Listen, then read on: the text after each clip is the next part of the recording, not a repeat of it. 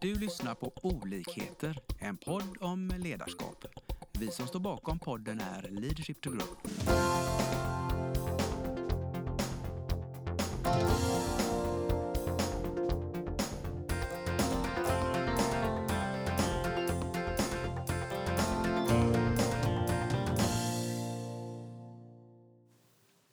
Välkomna till dagens podd. Idag kommer vi prata lite grann om motivation, vad som motiverar och kanske också vad som demotiverar på en arbetsplats. Eh, här hos oss har vi Lena, Jesper, Lena och Lars från Leadership to Grow. Jag tänker att du kan börja Lena. Motivation, vad säger du? Motivation är ju en viktig del i ledarskapet och eh, många gånger så tycker jag att ledare tar lite för stort ansvar när det gäller att motivera andra. Många nya chefer tycker att det är kanske den största utmaningen att de ska motivera Kalle och Pelle och Sofia. Men det är inte det det handlar om egentligen, för att du kan inte motivera en annan människa utan som ledare ska du skapa förutsättningar eh, och hjälpa eh, medarbetarna att hitta sin motivation. Eh, men det krävs olika saker för att få igång den motivationen.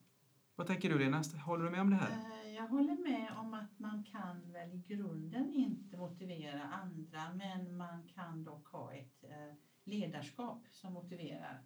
Till exempel eh, konceptet empowerment som är då ett förhållningssätt till ledarskap där man delegerar ansvar, där man låter team, vad heter det, medarbetare vara delaktiga, ta ansvar för resultat, jobba självständigt. Jättebra. Vad tänker du om det Jesper? Jag håller med om att det är väldigt motiverande för mig i alla fall personligen med just att, att, att få det här ansvaret, alltså frihet under ansvar. Men det blir lite knepigt om kommunikationen innan där. Alltså, vad är det som gäller? Vad är det som förväntas under det här ansvaret? Då, då blir det lite en, en liten krock av två världar. Jag tänker det, vi talar ju lite på uppsnacket här, det här att det finns ju tyvärr, man hör ofta att det finns väldigt mycket bolag där det är siffrorna som styr och vad, vad händer då med motivationen? Ja, alltså problemet kan det bli om man bara tänker siffror och inte förankrar det i någon slags verklighet så kan, så kan ju det, om man uttrycker det på golvet, krocka lite med högsta toppens mål. Och, och då, då blir det en väldigt misskommunikation i vad man faktiskt kan göra och vad man förväntas uppnå. Och uppnår man inte det men gör ändå ett bra jobb på sitt sätt så kan ju det bli lite demotiverande. Mm.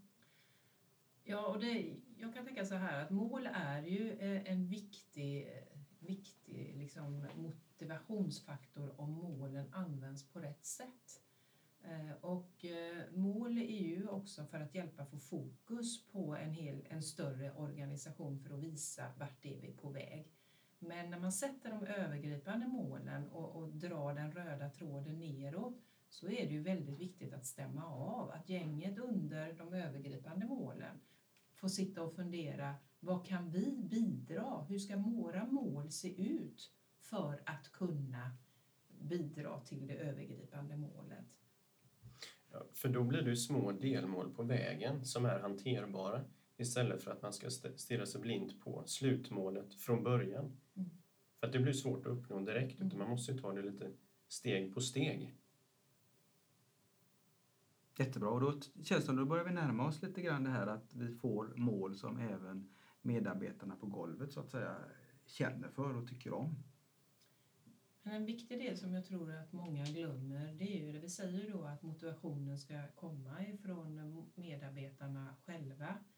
Men det är ju så också då att för att kunna hjälpa och, och skapa den här motivationen eller förutsättningarna så gäller det ju faktiskt att spendera tid med sina medarbetare för att försöka förstå vad är det de drivs av och motiveras av. Och många gånger upplever jag i alla fall att medarbetarna kanske inte själva vet vad som motiverar dem. Och att då komma med olika förslag och bara lägga på, det kan ju bli eh, jättefel. Utan eh, en, en utmaning som jag brukar ge till mina kunder ibland om de inte tycker att de vet vad som motiveras, det är faktiskt att gå ut och sätta sig i skogen på en stubbe och, för och ställa frågan till sig själv. Vad är viktigt för mig i livet? För det är oftast där man kan hitta de här motivationsfaktorerna. Mm. Men då kommer vi också in på vikten av kommunikation. Eh, för där vikten av att prata med varandra helt enkelt. Det låter väldigt okomplicerat men det är inte nödvändigtvis det. Att och ta sig tid att prata som ledare med sina medarbetare om eh, vad de tycker är viktigt och vad de vill ta ansvar för till exempel. Ja, det, det, känner, det, det måste bli en, en svår, eller måste måste det inte, men jag kan nog tänka mig att det blir en rätt svår balansgång om man då som, som mellanchef sitter mellan sina medarbetare. Vad, vad, vad motiverar dem? Och vad har jag för kravbild på mig? Det blir svårt att kanske hålla båda de grejerna i luften. Mm. Och det är väl kanske det svåraste ledarskapet, det är ju de här mellancheferna som vi har i våra företag eh, som sitter mellan två, tappade mellan två hö, hö, hö, vad säger man? Hötappar. Hötappar, ja. Eh, och, och, där gäller ju att man då landar i det och, och, ställer krav uppåt med förtydligande, bättre kommunikation och det här med att, att ha en diskussion om målbilderna, om det nu är mål vi pratar om i siffror.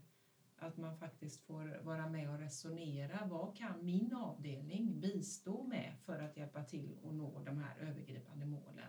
För att jag sen ska kunna vända mig till min organisation och se på individnivå. Vad kan du och du och du göra för att bi, bistå våra avdelningsmål? Det måste ju vara den här tydliga, tydliga röda tråden uppifrån och ner.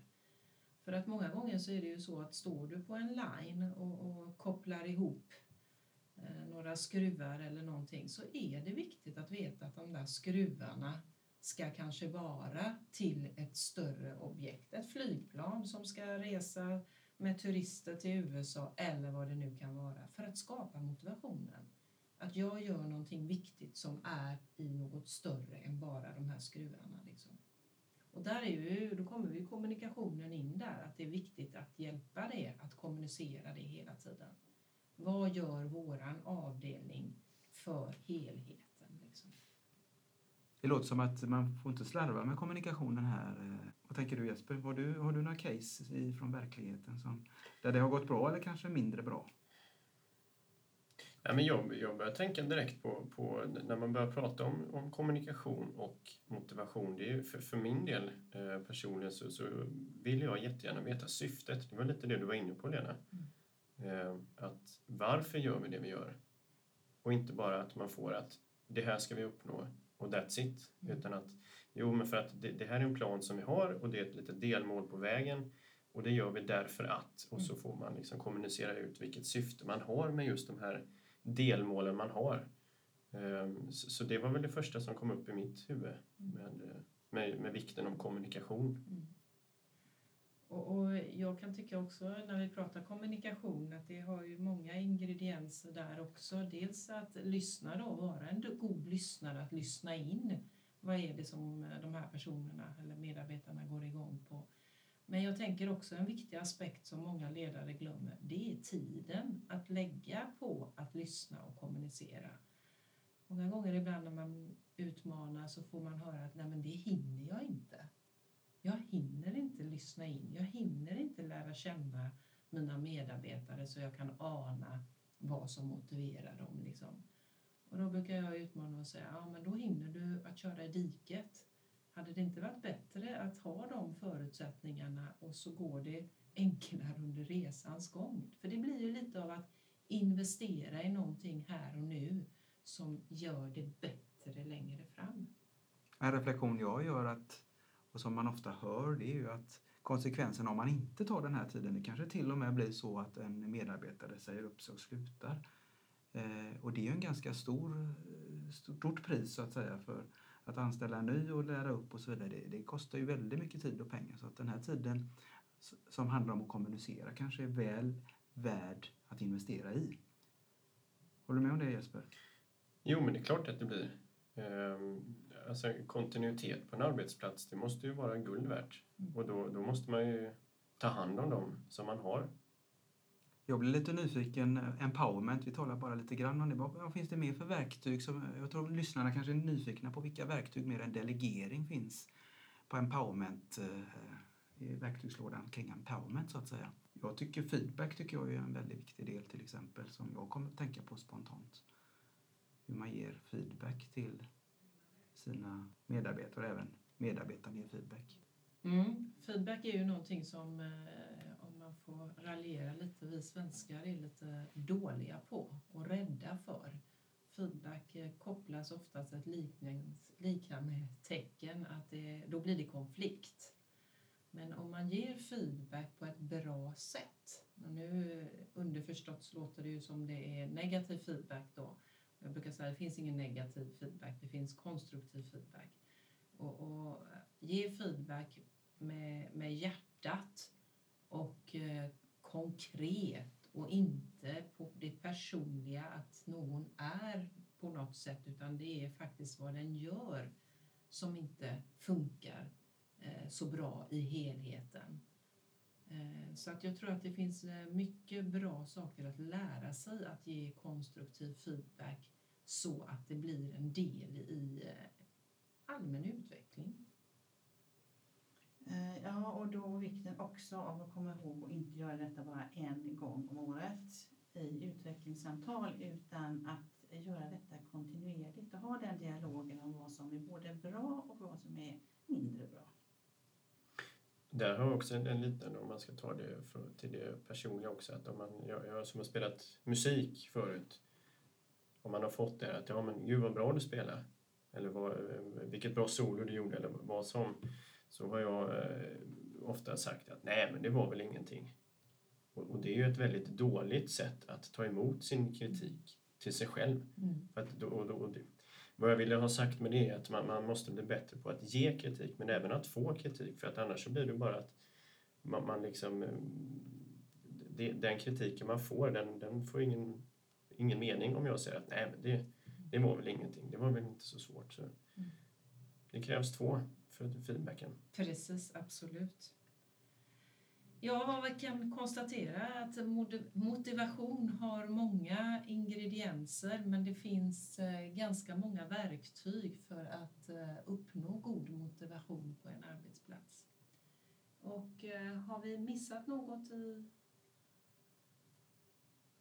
Ja, jag tänker det, det du sa Lena, just att göra, inte göra det som en engångsgrej utan bygga in det här på något sätt i kulturen. Att prata om de här sakerna regelbundet. Eh, både som chef men även medarbetare och försöka få in det här i vad motiverar mig, vad motiverar dig? Ge varandra ärlig feedback ofta, tänker jag är, är viktigt. Det var väl en bra slut, slutplädering. Tack för att ni lyssnat. Mm. Tack. Tack, tack. Vi hoppas att vi har väckt tankar om hur du kan utveckla och stärka ditt personliga ledarskap. Följ oss gärna på våra sociala medier där vi heter Leadership to Grow. Om du vill ha mer inspiration och verktyg, gå in på vår hemsida leadershiptogrow.com. Tack för att du lyssnar.